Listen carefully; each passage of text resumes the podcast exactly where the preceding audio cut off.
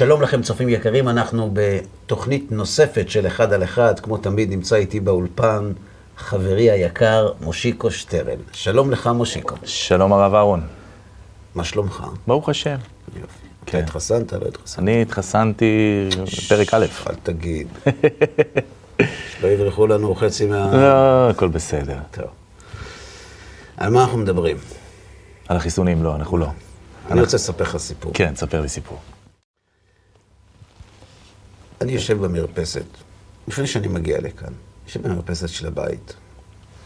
פתאום אני שומע בום. מסתכל למטה, אני רואה עברה מכונית בכביש, ועלתה על כדור, פוצצה אותו. אני רואה שלושה ילדים עומדים על המדרכה, אני אומר לאשתי, הלך הכדור. הלך הכדור. ואז אני מסתכל, אני רואה שהבן אדם עם הרכב עלה על האי תנועה, עצר, והילדים הולכים אליו. הוא יוצא מהאוטו, יוצא מהכיס משהו, נותן להם, מדבר איתם כמה מילים, והם הולכים. אמרתי לאשתי, תראי מה זה. הבן אדם, זרקו את הכדור לכביש. בום, הכל בסדר, ממשיכים הלאה, נכון? אבל הוא עצר בצד. הוא קרא לילדים, הוא נתן להם כסף ללכת לקנות כדור חדש. אותי זה ריגש. מאוד. לראות בן אדם לא צעיר, שמרגיש מה קורה לילדים שהוא פגע להם בכדור והוא לא אשם. כן.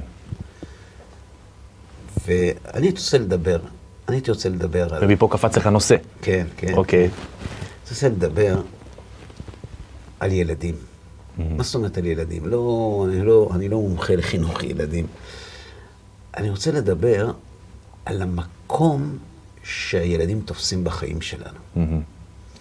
כי כשאנחנו מסתכלים על ילדים, עזוב, לא ילדים שלנו, ואנחנו רואים מעשים שהם עושים, לפעמים אנחנו מתפעלים, וזה מאוד מאוד משפיע על החוויה שלנו. אני רוצה לעשות לך תרגיל מחשבתי קטן כדי לנסות להראות עד כמה זה עובד. אוקיי. זה לא סוד, אנחנו פה כבר ותיקי תוכניות, שלמדנו יותר מפעם אחת, שעל פי המקובלים, המטרה שלנו בחיים זה ליהנות. עכשיו, כשאתה אומר את זה לאנשים, הם זזים לא נוח על הכיסא, כי ליהנות זה לאכול גלידה. אני מתכוון שהמטרה שלנו בחיים זה להיות מאושרים. להיות מאושרים, קוראים לזה איכות חיים. אדם מאושר זה אדם שיש לו איכות חיים. אבל כולנו יודעים יסוד נוסף, שמילוי החסרונות שלנו הוא זה שמשפיע על מדד איכות החיים שלנו. אבל אנחנו יודעים יסוד נוסף, שמבין כל החסרונות שמשפיעים על מדד איכות החיים, המדד הרגשי, כלומר, המילוי הרגשי, הוא המשפיע ביותר על איכות החיים שלנו. הרבה יותר מאשר אם חסר לבן אדם אוכל, שחסר לבן אדם אהבה, רגשות, או כשהוא מקבל, הוא מוכן לוותר על אוכל בשביל הרגשות האלה. נכון. אז הסכמנו שאנחנו רוצים להיות מאושרים, והסכמנו שמילוי החסרונות שלנו משפיע על מדד איכות החיים, ושמבין החסרונות, מילוי החיסרון הרגשי הוא המשפיע ביותר. נכון. והנקודה האחרונה,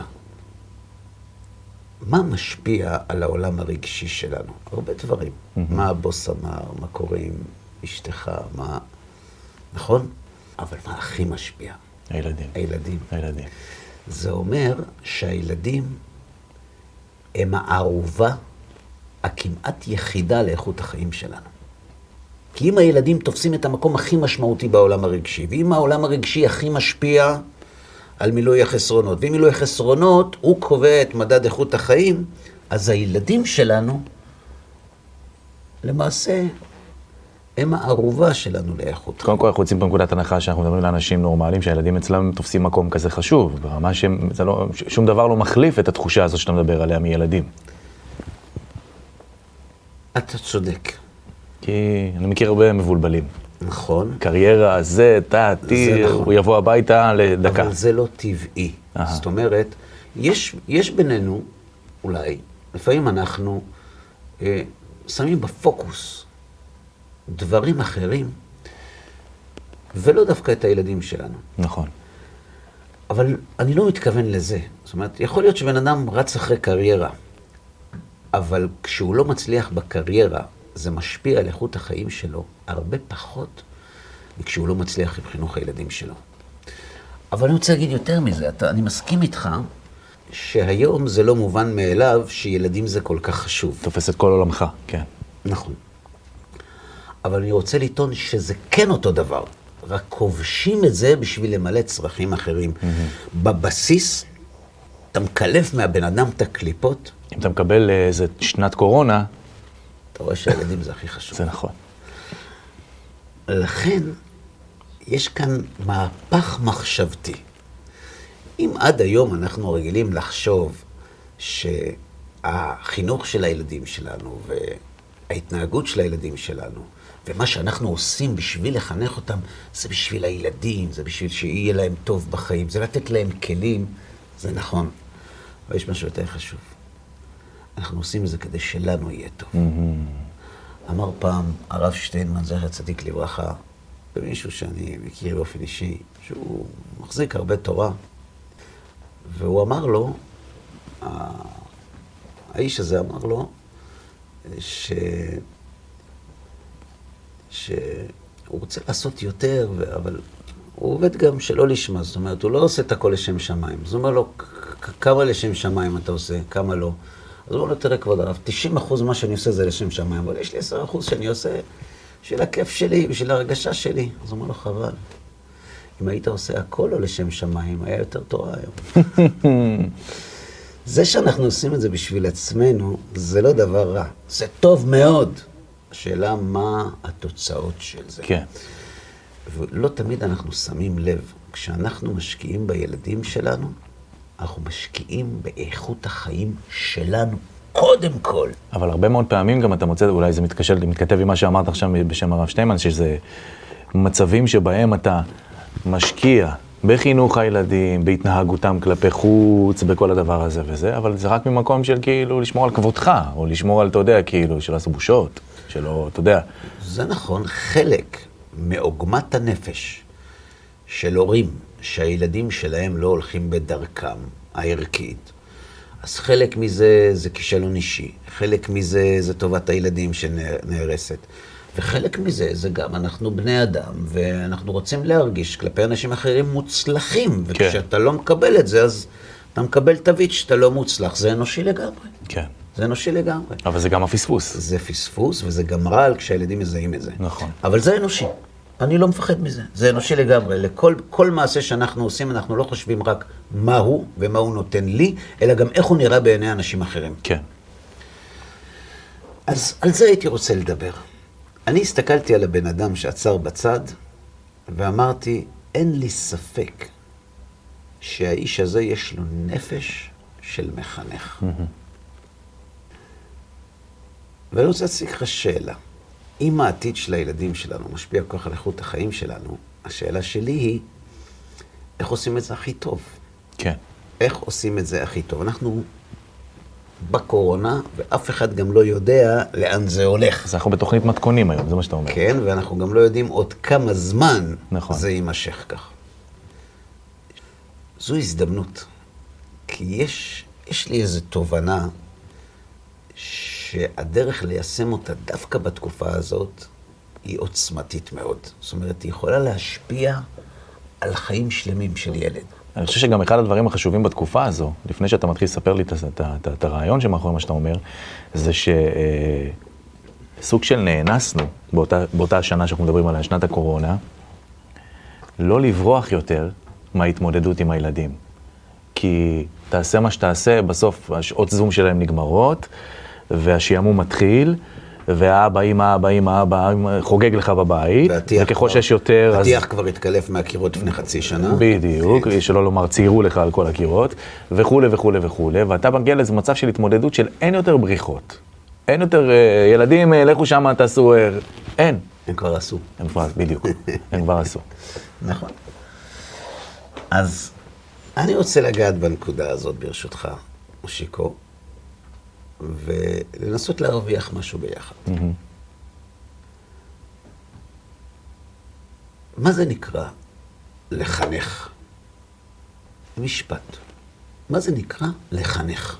להנחיל עקרונות, אה, להנחיל אה, רעיונות שאתה חושב שהם הנכונים. יפה. זה מדהים, כי בדרך כלל כשאני שואל אנשים את השאלה הזאת, הם אומרים, לחנך זה, זה לתת לילדים כלים... כן, עשה אל תעשה. כל מיני, כן. כן. אמרת מדויק, לא יכול להיות יותר נכון מזה. לחנך זה לגרום לילד לחנוק את רצונו ולהכפיף אותו לערכים שאנחנו, ההורים, חושבים שהם נכונים, ולגרום לילד לחשוב שהם נכונים ולעשות את זה מעצמו. נכון. זאת אומרת, לחנך, כך כותב רבי שמשון רפאל הירש עליו השלום, זה לחנוק. לחנוק? כן. אתה חונק את הבית. איך חונקים בית? מייחדים את הבית למטרה מסוימת. עד עכשיו הוא היה יכול להיות חנות, מוסך, חניית רכב, בית. מייחדים אותו. לוקחים את הרצון האינסופי של הילד, הבלתי מוגבל שלו, ואומרים, תשתמש בו במגבלות אלו. ומה הם המגבלות? הערכים שאנחנו ההורים אומרים לך שהם נכונים. ולאו דווקא מהמקום הדתי אתה אומר את זה. לא קשור לדת. אין קשר לדת. יש לנו ערכים, אנחנו חושבים שהערכים האלה נכונים, ואם הם נכונים, אנחנו מכפיפים את הרצון שלנו לערכים האלה, אנחנו רוצים שגם אתה תעשה את זה. זה מאוד נכון. אתה רואה את זה גם בכל מיני אה, עדות, קהילות, דרך חיים של אנשים שקיבלו מבית, ההורים, ההורים שלהם, ההורים, ההורים שלהם, אתה רואה שזה הגיע עד הילד הקטן ביותר, שההתנהגות של הסבא, סבתא, סבתא רבא אפילו, והילד, באותם העקרונות הם אותו דבר. אתה מבין למה אני זאת מתכוון? אומרת שזה עבר. ממש. זה הונחל. כן. כן. אם מורגלים לתת צדקה, זה לתת צדקה. אם מורגלים אה, ב- ב- ברמת, אתה תשמור על האחים שלך הקטנים בבית ספר, שאף אחד לא ייגע בהם, זה תמיד ככה. זאת אומרת, אתה רואה את זה ממש מדור לדור, לא זז. קיבוע. Mm-hmm. אני זוכר שתמיד, עכשיו- אה, שיפצנו את הבית שעברתי אליו, ו... חנקתם אותו כבר? הפועלים הערבים, הרבה סיגריות חנקו אותו, כן. אבל בין היתר גם עשיתם הרבה שיחות, אתה יודע שאני אוהב לדבר ולשמוע ולהכיר וזה וזה, ואתה רואה שם מה זה מסורת. עקרונות שעברו להם מקדמת דנא, הם לא זזים מהם, ביחס ל... לא משנה מה, לאישה, למשפחה, ל... ל- אתה יודע. כן, אז עכשיו אפשר לנהל, אתה צודק, אפשר לנהל ויכוח. האם הערכים של הפועלים שעבדו אצלך הם ערכים נכונים או לא? נכון. אבל אי אפשר להתווכח שאם הילדים נוהגים כמו הוריהם, זה עבד. מבחינה חינוכית, זה, זה, נכון, זו הצלחה. בדיוק. בדיוק. לכן זה נכון אצל כולם. עכשיו, טיפסנו עוד קומה. אם אמרנו בהתחלה שהילדים הם הערובה הרגשית לאיכות חיים שלנו, ואם אמרנו שחינוך זה להנחיל להם את הערכים ושהם יפעלו על פיהם, נמצא שמי שהוא אמון ואחראי על ההנחלה הערכית הזאת, כל העולם הרגשי שלנו בידיים שלו. השאלה מי זה? מי זה? יש שלוש אפשרויות. המורים, הסביבה וההורים. אתה מכיר עוד משהו? לא. יופי. כאילו. כן, יש הקדוש ברוך הוא, כן, אבל אתה יודע, זה... כן, הקדוש ברוך אבל הוא... אני שם אותו כ... כי אנחנו מתווכים לשם. הקדוש ברוך הוא לא מחנך אותנו, כי הכל בידי שמיים חוץ מיראת שמיים. אז זה לא תפקידו של הקדוש ברוך הוא לחנך את האדם. נכון. הקדוש ברוך הוא, נתן ארגז כלים. ביהדות, אנחנו אומרים, הקדוש ברוך הוא נתן לנו מערכת ערכית, ואמר, תפעלו על פיה. תגיד לי, מה אתה אומר? המורים, הם האחראים, בית הספר הוא אחראי על ההנחלה הערכית? ממש לא. למה לא? כי א', הם פוגשים את הילדים זמן מסוים ביום. זה עדיין יותר מההורים. זה יותר מההורים, אבל זה לא מספיק זמן כדי לראות את מאוויי הילד באמת. זה דבר ראשון. דבר שני, המערכת הרגשית בין ילד לבין הורה היא לא המערכת הרגשית שיש לו עם, עם המורה. הוא לא יקבל מהמורה, אה, או את אותה מרות, או את אותו הרגשה, את אותה אהבה, את אותה, אתה יודע, ילד ש, שיודע שיש לו אבא ואימא, הוא ילד שמבחינתם זה הורים ותומים. אתה יודע, זה, אם אתה מצליח להגיע למציאות כזאת שהילד רואה בך mm-hmm. את כל העולם, כמו שאני זוכר שהייתי קטן וראיתי את אבא שלי מנצח את כל העולם, מה שנקרא לאבא שלי סולם מגיע איתו לשמיים, זה, זה זה, אתה יודע, בתור ילד זה מה שחשבת, mm-hmm. זה מה שהרגשת. אם הילד מצליח להגיע למקום הזה, אז מבחינתו מה שאבא עושה, מה שאימא עושה, זה בול, ככה צריך להיות. בגמרא קוראים לזה ולא מטעמי. דהיינו, כמוך, אבל לא מהסיבה הזאת. אני מסכים איתך. המורים לא אחראים על ההנחלה הערכית. הם גם לא יכולים להיות מנחילים, והם גם לא עושים את זה. כן, כן. אני נמצא, ב... לא עכשיו, עכשיו כולנו בבית, אבל כש... בעזרת השם, כשנחזור וגם לפני, אני הסתובבתי בבתי ספר, לתת הרצאות למורים. ואני שוחחתי באופן בלתי אמצעי עם מורים ותיקים, מוכשרים, מנהלים. הם אומרים בפה מלא, זה לא שאנחנו לא יכולים לחנך, אנחנו לא מנסים. היום בבתי ספר לא עוסקים בהנחלה ערכית.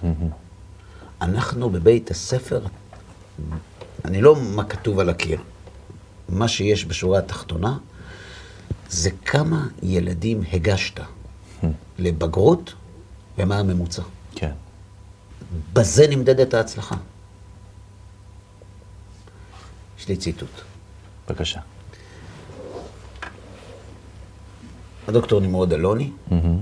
הוא מרצה לפילוסופיה חינוכית, סמינר הקיבוצים, בבית ברל.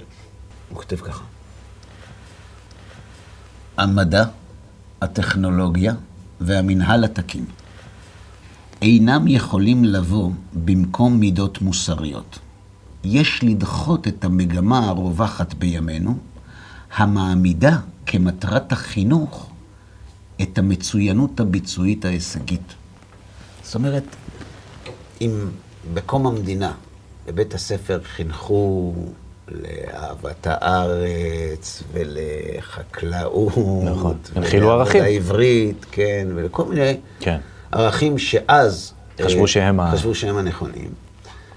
היום זה לא על הפרק. היום תהיה מוצלח, תהיה הישגי, תהיה מצוין, כן. תתקדם. כן. בזה זה נמדד, ואם כבר יש איזו הנחלה, אם כבר יש איזו הנחלה ערכית, אז היא כאילו מודרניזציה כזאת של, של, של הבנת האחר, הכלת הזה, ואתה יודע, כן, כל מיני דברים כאלה. כן, אבל זה לחנך, זה קורה לבד. כן. זה חופש, זה כולם אוהבים. זאת אומרת, בתי ספר הם כבר לא המקום שתפקידו להנחיל ערכים, וזה כמעט מוצהר רשמית, אם לא מוצהר רשמית. זאת אומרת, זה הפך להיות ממקום של חינוך, אתה אומר, לאיזה סופרמרקט של ידע... אני שומע משפטים ממורים, בית חרושת לציונים. אתה רוצה לשמוע משהו אחר? יש דוח של פרופסור דן ענבר, שהוא מנהל בית הספר לחינוך של האוניברסיטה העברית בירושלים, היה, והוא כתב ככה: 50% מהתלמידים, עשו מחקר mm-hmm. של האוניברסיטה, רואים עצמם אסירים בבית סוהר, hmm. או כמתוכנתים על ידי מערכת החינוך. קרוב למחצית מהתלמידים רואים במורה סוהר, שוטר, מפקד, רס"ר או שופט. Mm-hmm. רוב הדימויים של התלמידים והתייחסותם בבית הספר הם שליליים. זה נכון, אני הרגשתי כך. אה? באמת? כן. מצוין. זאת אומרת, כשתלמיד הולך לבית ספר, והוא מרגיש שהוא הולך למלחמה, ושהוא צריך לעבור מבחן של אורך הבגדים, כמו החייל כשהוא נכנס לבסיס, ושהמורה שלו הוא מפקד, או סוהר, או שופט, לא יקבל ממנו. גם אם המורה ירצה, והוא גם לא רוצה. זאת אומרת, משני, משתי הסיבות האלה, כן. חבל לבנות על זה, חבל שנתאכזב. לא שם נמצא את מנוחתנו. אבל צריך לחזור להתחלה. הרי אנחנו רוצים להיות מאושרים בחיים. נכון. אז מי האחראי? את מי צריך לשמן כדי שהוא יעשה את העבודה. המורים אומרים זה לא אנחנו. הסביבה? קודם כל, סביבה זה משהו מאוד מעורפל. סביבה. היום גם כמעט אין את הסביבה שאנחנו הכרנו בתור ילדים. נכון, אנחנו בתור ילדים שיחקנו כן, גבולות נכון. ומישמישים ו... נכון. ומקלות עם אה, גלגלים. היום הסביבה היא אין סביבה. היום הסביבה היא תלת-ממדית וירטואלית. כן. אה, כן. כן, היא אינסופית. היא אינסופית. חוץ מזה, שאני רוצה לטעון שהסביבה לא מחנכת. הסביבה משקפת למסתובב האם כדאי לו לכבוש את רצונו על פי הערכים שהוא מביא איתו, mm-hmm. או שזה לא משתלם. קח דוגמה, מאהל הפראיירים. מאהל הפראיירים. שמעת על זה? כן? בתקופת ה... כן. כן. מה זה פראיירים? אנחנו משרתים במילואים 28 יום, לפעמים יותר, תקופות מסוימות גם, גם, גם יותר מפעם אחת, ויש כאלה שלא, שלא עושים כלום. מהמם. אנחנו לא עושים את זה יותר, לא מוכנים להיות פראיירים. עכשיו, אני שואל אותך, הפראיירים האלה, הם לא פראיירים, הם, הם חדורי מוטיבציה. נכון, הם עשו את זה בשם ערך. ודאי. הם אנשים שמוותרים מרצונם, לא כי הם חייבים, מוותרים מרצונם על חודש עבודה, ורואים תרומה בזה שהם הולכים לשרת. נכון. במילואים. אז אם זה ערך, למה אם אחרים לא חיים על פי הערך הזה, אתה לא מוכן לעשות את זה? כי אתה לא מוכן להיות פראייר. אז מה זה בעצם אומר? זה אומר, יש לי ערך שנקרא מדינת ישראל, יש לי ערך שנקרא ציונות, יש לי עוד כמה ערכים, וכשהסביבה משדרת לי שאני פראייר, אז למרות שהם הערכים שלי, אני לא מנהל את הרצון שלי על פיהם, ואני הולך לעשות שביתת שבט. הסביבה לא מחנכת. הסביבה נותנת רוח גבית. הסביבה היא מראה שאומרת לנו, אתה פראייר. נכון שיש לך ערכים, אבל אף אחד לא חי על פיהם. אתה פראייר. וזה לא נכון לא רק לגבי מעל הפריים, זה נכון לגבי כל, לגבי כל ערך אחר. כן. שאתה אומר, אני עומד בתור, אני לא עוקף. אתה רואה שכולם עוקפים אותך, אתה אומר, עזוב, גם אני עוקף. נכון. לאן נעלם הערך? נכון. הסביבה לא מחנכת. אנחנו חווים את זה עכשיו, לא, לא רצינו לדבר על זה, אבל אנחנו חווים את זה עכשיו. עניין החיסונים זה ממש אותו דבר. מה יש לך מהחיסונים? תגיד. אני לא, זה... לא בוער לך. אני, לא, זה, ב- לא, אני אגיד לך למה. כי אתה רואה באמת אנשים שמושפעים סביבתית מאיזושהי תנועה, גם בלי לבדוק מה, למה, איך, מה, נכון לי, לא נכון לי. אתה מבין? זאת אומרת, קח את כל סל הערכים שהם גדלו עליו, גם בואו ככה אנשים כמונו מאמינים שיש לנו, יש לנו את הרב, שהוא הוא פוסק לנו תמיד בכל דבר, כל אחד והרב שלו. ונניח לצורך העניין הרב אמר ככה. בכל דבר אחר אתה מקשיב לו, למה פה לא? שאלה טובה, אין לי תשובה עליה. אז זה משהו שסביבה באמת לקחה, ועשתה ערפול, ל, אתה יודע, ל- להחלטות ערכיות לחיים שלך. בסדר גמור, מסכים איתך. אני אומר שהסביבה לא מחנכת. הסביבה היא מראה שנותנת רוח גבית להחלטה שלך האם להישמע לערכים שאתה חי, חי על פיהם או לא. אוקיי.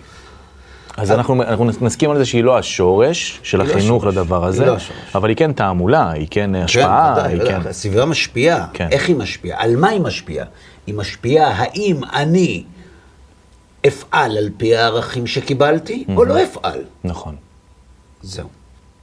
אבל היא לא מנחילה אותם. הבנתי. זאת אומרת, אם אני אשווה את זה רגע, ל, ל, ל, ל, נגיד הערך שלי הוא, הוא לא לנסוע בשבת לים, לא משנה מה תגיד לי, אז גם אם הסביבה תראה לי כל היום שלטי חוצות של ים, חופים, שבת, מפוצצים, איזה כיף, מתקות, עניינים, אני, בגלל הערך שלי, זה לא מעניין אותי. זה נכון, אני מסכים, אבל אני, אני הולך אפילו יותר רחוק. בוא נניח בן אדם שלא שמר שבת והתחיל לשמור שבת. והוא בטוח שזה ערך נכון ושזה התורה משמיים והוא גם צודק.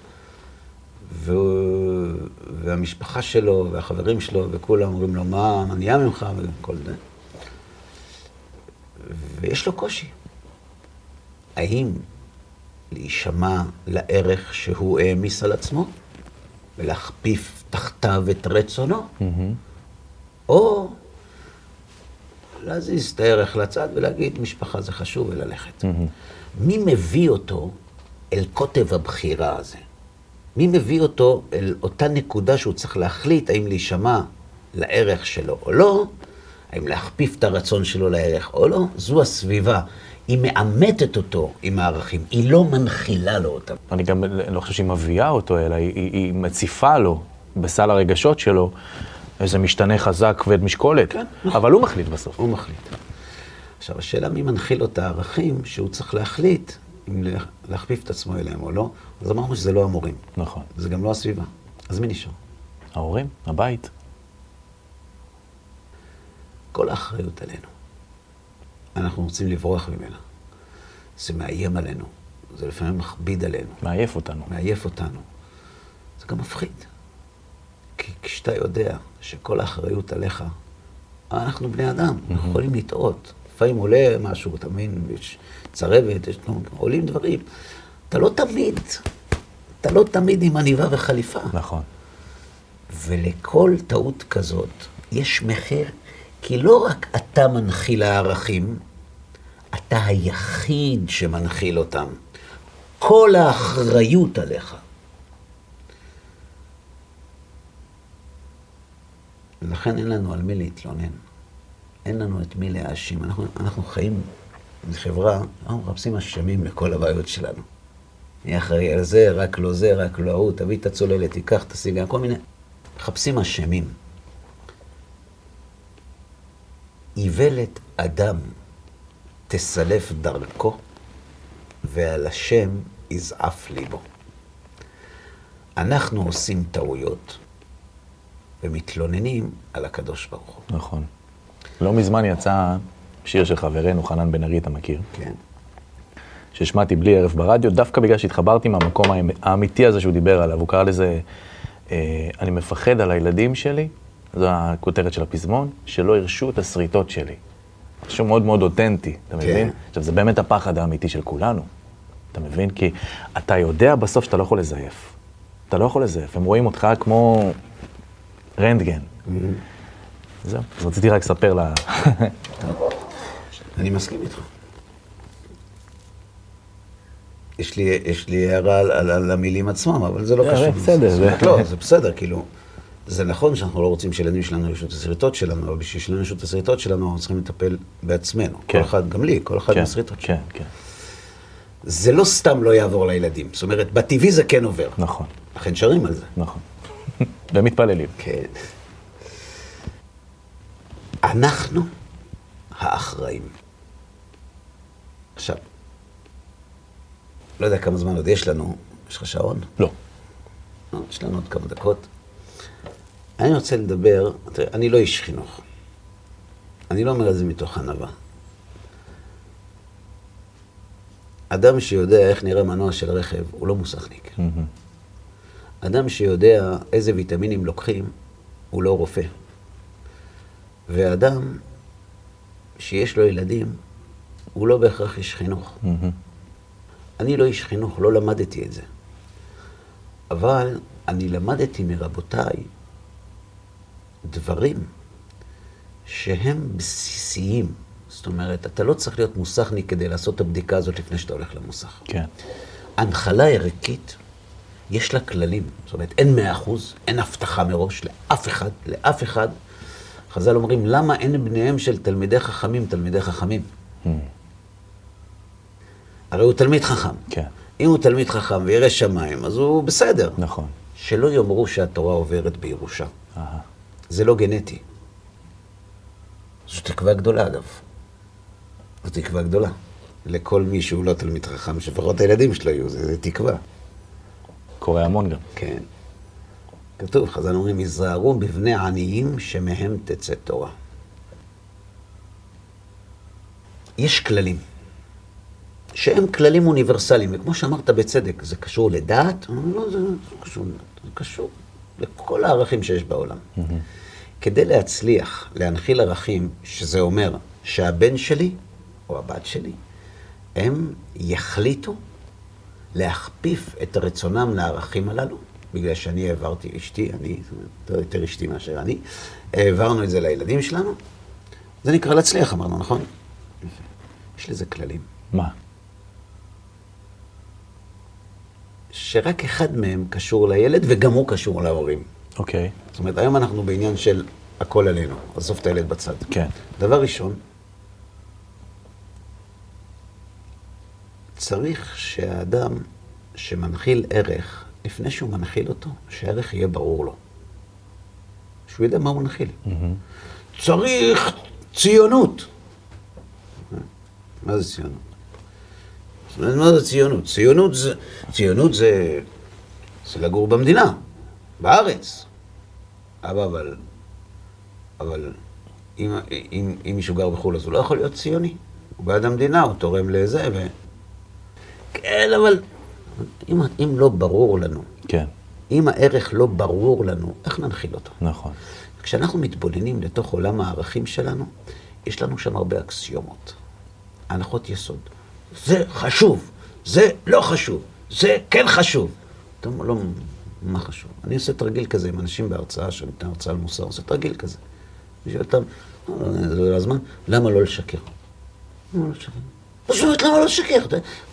שקר, אם יהיה שקר, אם כולם ישקרו, לא, לא, תהיה, לא תהיה חברה, שלא תהיה, לא שואל אותך אם כדאי או לא כדאי, יש אותך, אתה אומר לילד, אסור לשקר, למה? כי לא כדאי?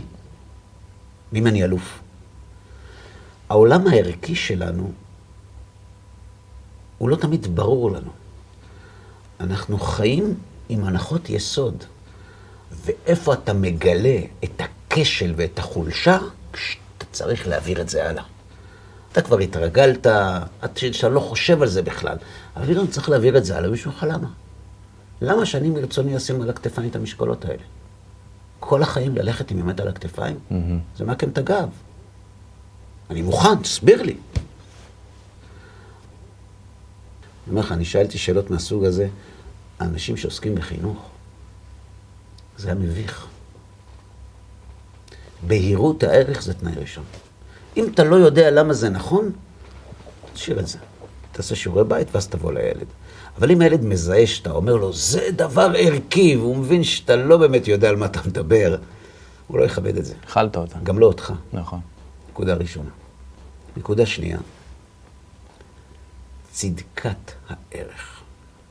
לא רק מהו הערך, אלא למה הוא נכון. הכלל השלישי, שזה קשור לכאורה לילד, אבל זה גם להורים, זה לגרום לילד להזדהות רגשית עם הערך. לאהוב את זה. כן, אתן לך דוגמה מהעולם ש, שבו אני גדלתי. ללכת להתפלל בבית כנסת, זה ערך. נכון. אבל ילד, קשה לו עם זה. יש כל מיני סיבות שלילד קשה ללכת לבית כנסת. אני יכול להכריח אותו, והוא יעשה את זה. אבל יחד עם העושה את זה, תהיה הרגשה שלילית של היה לי לא נעים לעשות את זה. אם אני רוצה שילד ירצה לקום, הוא צריך להזדהות עם זה. הוא צריך לקבל תפקיד בבית כנסת, שים את הרימונים, אתה מכיר את זה, ברור, נכון? ברור. זאת אומרת, יש לנו את גם בהירות. זה הגיע עולם הסוכריות, לא? זה ה... הסוכריות זה פיתוי כן, של שהגיע בשבילת הגמדים. כן. אני מדבר איתך ודילים על ממרפאות ליהנות- השיניים גם. אה, כן. אני מדבר איתך על ליהנות ממשהו שהוא קשור לבית הכנסת, לא לסוכר. רימונים של ספר תורה, טלית, לתת לילד חוויה. לא רק שאתה מכיר בערך ובבהירותו ובצדקתו, אתה גורם לילד להזדהות עם הערך הזה. כן, אני, מבין, אני נזכר שכשהייתי ילד, אז נהגו אצלנו בבית הכנסת בשכונה לתת לילדים את הפרקים של שיר השירים. שיר השירים, אין כן. כאלוהינו, נכון. פרקי אבות. או אם, לא, אחרי כל ה... או. מזמורים נכון. של שחרית, כן, נכון. ואתה רואה, אנחנו זוכרים את זה עד היום, גם אני זוכר, זה נכון. שהייתי הולך לסבא שלי בירושלים בנחלאות, להתפלל בבית הכנסת אוהל משה שם, זה, זה, זה מה שאתה זוכר. נכון. זה מה שאתה אתה זוכר. מקבל את הקלף של מה אתה הולך להגיד, ואתה מתרגש שזה אתה מגיע מחכה אליך. שזה יגיע, כן, בטח, נכון. נכון. ההזדהות. אז בהירות הערך, צדקת הערך, ההזדהות, וכמו שכולנו יודעים, דוגמה אישית. תראה, דוגמה אישית היא לא דבר נכון בכל תחום. כשבן אדם בא לרופא, והוא אומר לו שהוא סובל מהריאות, ועושים לו צילום ריאות, והרופא אומר לו, אתה חייב להפסיק לעשן, אז הוא זורק את הסיגריות. כן, ואז הרופא לוקח אותה מהפח, מדליק, בקליניקה. אבא מסתכל עליו, אומר לו, מה אתה עושה? מה אתה עושה? אתה אומר לי להפסיק ואתה מעשן? הוא אומר לו, תגיד, הריאות של מי על השקף? מה אני קשור לסיפור? זה נכון בתחום מקצועי, אבל כשאתה מנחיל ערכים, אם אתה לא פועל על פי הערכים האלה, זה לא יעבור לילד. כי אם אתה לא מזדהה עם הערכים האלה, אתה רוצה שהוא יזדהה איתם? זאת אומרת שאם עכשיו אנחנו רגע נעשה הפרדה, ויש, אתה מכיר את הסיפורים האלה בוודאי, ילדים למשפחות פשע, לשכונות בסיכון, לכל מיני כאלה שפתאום יוצאים, או עילוי בתורה, או איזה דוקטור, או איזה עורך דין מוצלח, או אתה יודע, זה נס? תראה, אתה רוצה שאני אגיד את זה בדרך של נס? אני אגיד. אני אגיד לך את זה קודם כל בדרך, בדרך אנושית. לפעמים ההורים נותנים דוגמה אישית שלילית. ילד שמסתכל על אבא שלו ומתבייש באבא שלו, זה דבר נורא. הוא אומר, אבא שלי, מה הוא עושה? אני לא אהיה כמוהו. והלא יהיה כמוהו הזה, זה דלק מוצק שדוחף אותו כל החיים להצליח רק כדי לא להיות כמו אבא שלו. ועדיין הוא צריך להיות כלי לדבר הזה, זאת אומרת, לדעת מגיל קטן שזה לא. או, זה לא בדרך כלל לא בא בגיל קטן, אבל זה בא בגיל, בגיל, זה כן. ילד שרואה שאבא שלו לא מתנהג יפה לאמא שלו, או הפוך. או שאבא שלו יושב בקיוסק השכונתי ומבזבז את הזמן, והוא מתבייש. הוא רוצה אבא חזק, ואין לו את זה. אז הוא אומר, אני לא אתן לילדים שלי את מה שאני קיבלתי. זאת אומרת, הוא קיבל דוגמה אישית הפוכה. כן. מה לא להיות. דוגמה אישית בחינוך, אמר לי פעם אבא שלי, אבא שקם ב-12, שיהיה עם יכולת הדיבור הכי טובה בעולם, לא ישכנע את הבן שלו שחשוב לקום ב-6. לא יקרה. נכון. זו דוגמה אישית. אז יש לנו בהירות הערך, יש לנו צדקת הערך. צדקת הערך, יש לנו הזדהות של הילד, ויש לנו את הדוגמה האישית של ההורים. אבל יש עוד נקודה אחת, ובה אני רוצה להתמקד ואיתה אני רוצה לסגור. הכי חשוב. מה זה אמרנו? לחנך, תזכיר לי. מה זה לחנך? אה. להנחיל ערכים. להנחיל ערכים. מה זה נקרא להנחיל ערכים? ערך שאני מאמין בו, שאני חושב שהוא הנכון, שהילד שלי... יזדהה איתו, יאהב את זה, ירצה את זה. ויקבל החלטות. בדיוק כך, כן. יכפיף את הרצון שלו לערך הזה. נכון. כדי שילד יהיה בכלל בפרשת הכפפת הרצון, הוא צריך לגדול באקלים מסוים. אני רוצה להסביר את זה. להכפיף את הרצון שלי לערכים מקבילים זה לא טבעי. אוקיי. זה התנגשות. אני רוצה הכל, בום, תיכנס לקופסה. ומי מכניס לי לקופסה? אני. זה לא טבעי. כדי שזה יהיה אפשרי, ילד צריך לגדול בסביבה שבה יש באווירה של הבית משהו שהוא יותר חשוב מהרצון של הבית. הבנתי אותך. זה לא משנה מה. כן. זה יכול להיות ציונות, זה יכול להיות ספורט, זה לא מעניין אותי מה, ערכים טובים, ערכים פחות טובים, זה, זה לא כן. זה. התמונה של בגין אצל חמך. כן. יש משהו שהוא יותר חשוב מה, מהרצון שלי. יש משהו בחיים שלי, אני גדל באווירה. אני אסביר לך. אנחנו חיים היום בדור שהרצון של האדם הוא מרכז הכל. נכון. הוא צריך להתייעץ עם הילד בגן, צריך להתייעץ עם הילד, כן, זאת אומרת, ספר דמוקרטי. כן. לא, לא רק בגן, יש מועצת תלמידים, כן. מועצת סטודנטים, יש מועצת, מועצת התינוקות המחותלים, זאת אומרת, יש, יש, מוע, יש מועצות שונות. ממש. הרצון שלנו, אנחנו מסתובבים בעולם עם הרגשה שהרצון שלנו הוא הכי חשוב, והערכים נועדו כדי לאפשר לרצונות להסתובב בכביש בלי להתנגש אחד עם השני. כן. כלומר, אנחנו לא שמים לב, אבל הערכים נועדו לשרת את הרצון שלנו. אני לא אומר שזה רע, אבל ככה אנחנו חיים היום. כשילד גדל באווירה שהרצון זה הדבר הכי חשוב, זה לא אומר שאין לו ערכים. זה לא אומר שהבית שלו לא מחונך, חס ושלום, מי אני שאני אגיד ככה? הם אנשים מנומסים ויש להם ערכים, אבל חסר התבלין הזה, שיש בבית שלנו משהו שהוא יותר חשוב מהרצון שלנו. קוראים לזה ביטול. כן, אפשר לקרוא לזה כך. ילד ששומע בבית שציונות זה חשוב, וכשמציעים לאבא שלו עבודה בעמק הסיליקון, כל הבית נכנס לתזזית, אז מה הילד מבין? שזה לא חשוב. שציונות זה חשוב כל עוד זה משרת את הרצון שלי. כן. בכפוף לתנאי ה... אני אתן לך עוד דוגמה. אה, דיברו על החרדים, יוצאים, אנרכיה וכל מיני. אז אני לא נכנס לזה. שמעתי, לפני יומיים שמעתי מישהו, אני לא מכיר אותו, ידעתי איתו, שהוא מייצג קבוצה גדולה של אנשי עסקים, הוא אמר, אנחנו פותחים. אנחנו פותחים. שמעתי. אנחנו נלחמים על הלחם שלנו, אנחנו פותחים. שמעתי. אני שואל, איפה האנרכיה, איפה הפצת מחלות, כל מה שמכתירים אותי? למה, איפה זה נעלם? עכשיו, עזוב עכשיו, אנחנו סתם מתלוננים, אכלו לי, שתו לי, תפסיק. לא. אבל אני, אני מסתכל על הילד של האיש הזה, ששומע את האיש הזה אומר בבית כל הזמן, המדינה, המדינה זה חשוב, המדינה זה חשוב, והילד רואה שכשזה מגיע לכסף שלו, שום דבר כבר לא חשוב. באיזה אווירה הוא גדל? שזה הכי חשוב. שיש ערכים, כל עוד הם משרתים את הרצון שלי.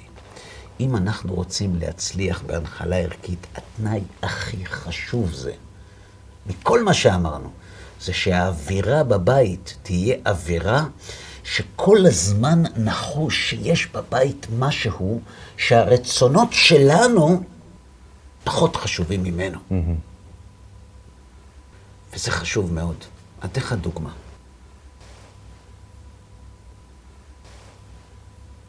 אני פגשתי, הייתי מלמד פעם בבית אבות.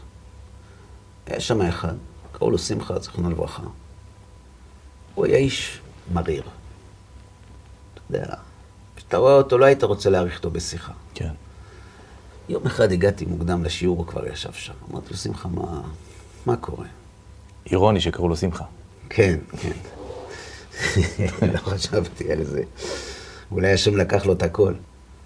בקיצור, אמר לי, תקשיב, אהרון. הוא היה בן 90 כמעט. הוא אומר, תראה, אני גדלתי בעולם אחר לגמרי מהעולם הזה. בעולם הזה שאתה חי בו היום, יש הרבה יותר דברים מאשר בתקופה שלי. בתקופה שלי היה מאוד קשה להזדקן. Mm. ומי שהזדקן, כיבדו אותו. היום הרבה יותר קל להזדקן. אבל מי שמזדקן, לא לא מכבדים. אותו. אז פעם, כמעט אף אחד לא היה יכול, אבל כולם רצו. מהמם. היום כולם יכולים, אבל לא בטוח שכולם רוצים. וזה עצוב, אהרון. זה עצוב לי לראות שיש לילדים שלי דברים יותר חשובים בחיים מלדאוג לאבא שלהם. זה עצוב לי. וזו שאלה גדולה. מה קרה לזה? הרי הנושא של כיבוד הורים זה לא עניין דתי. נכון. יש כמובן, אני טוען שכן, אבל לא משנה, לא אכנס לזה ויכוח. זה לא עניין דתי. זה עניין אנושי, כל אחד מבין הכרת הטוב להורים. כן. זה התחיל מדתי, אבל זה הצליח. כן, כן, זה, זה בדיוק, זה תפס. כן, קנו את זה, קנו כן. את זה. ואני שואל, למה, למה בדור שלנו, הנושא של כיבוד הורים נמצא בנסיגה? זה לא שילדים שונאים את ההורים שלהם ומזלזלים בהם חס ושלום. כן. אבל אתה יודע, אדם דואג לעצמו. מאיפה זה בא? זה בא מהנקודה שדיברנו עליה.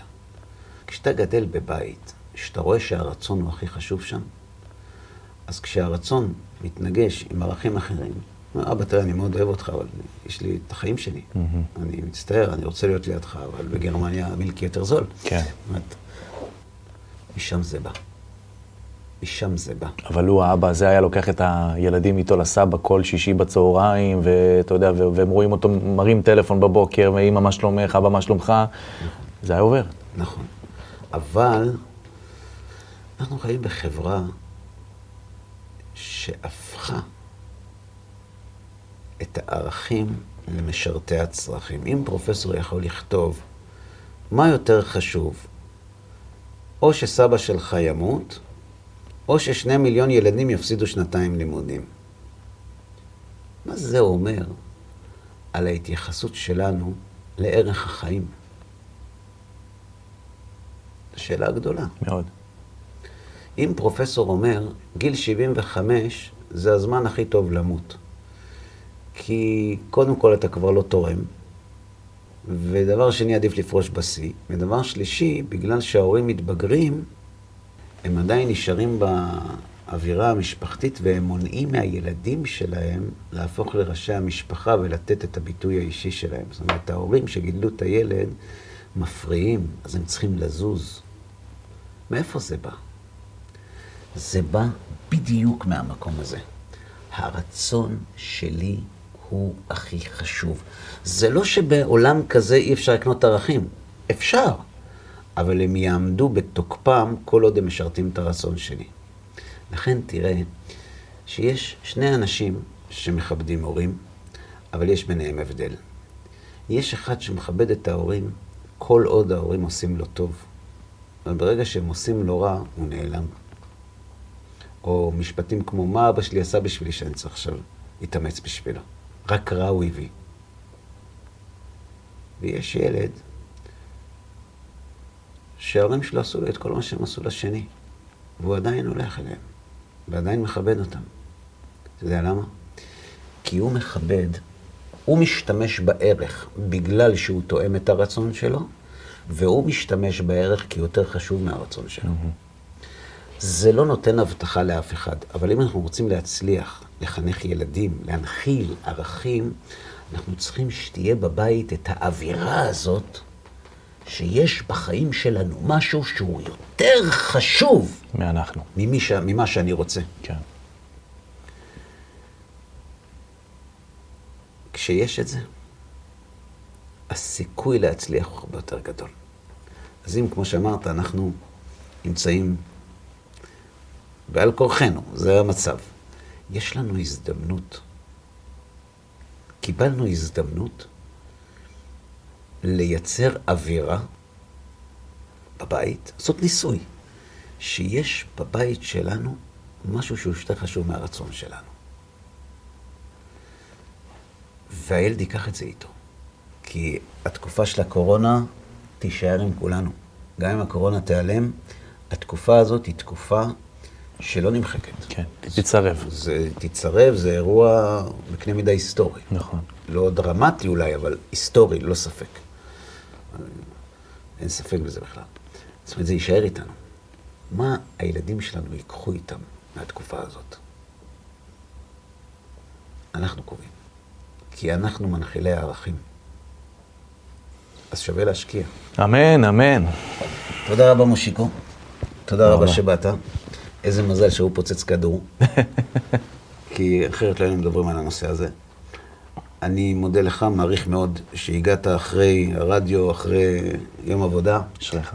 תודה, מושיקו. תודה רבה גם לכם, צופים יקרים, שהשתתפתם איתנו בעוד תוכנית של אחד על אחד. אנחנו מאוד מקווים שהדברים יהיו לתועלת. בעזרת השם נשמח להיפגש כאן יחד בתוכניות נוספות. כל טוב לכם.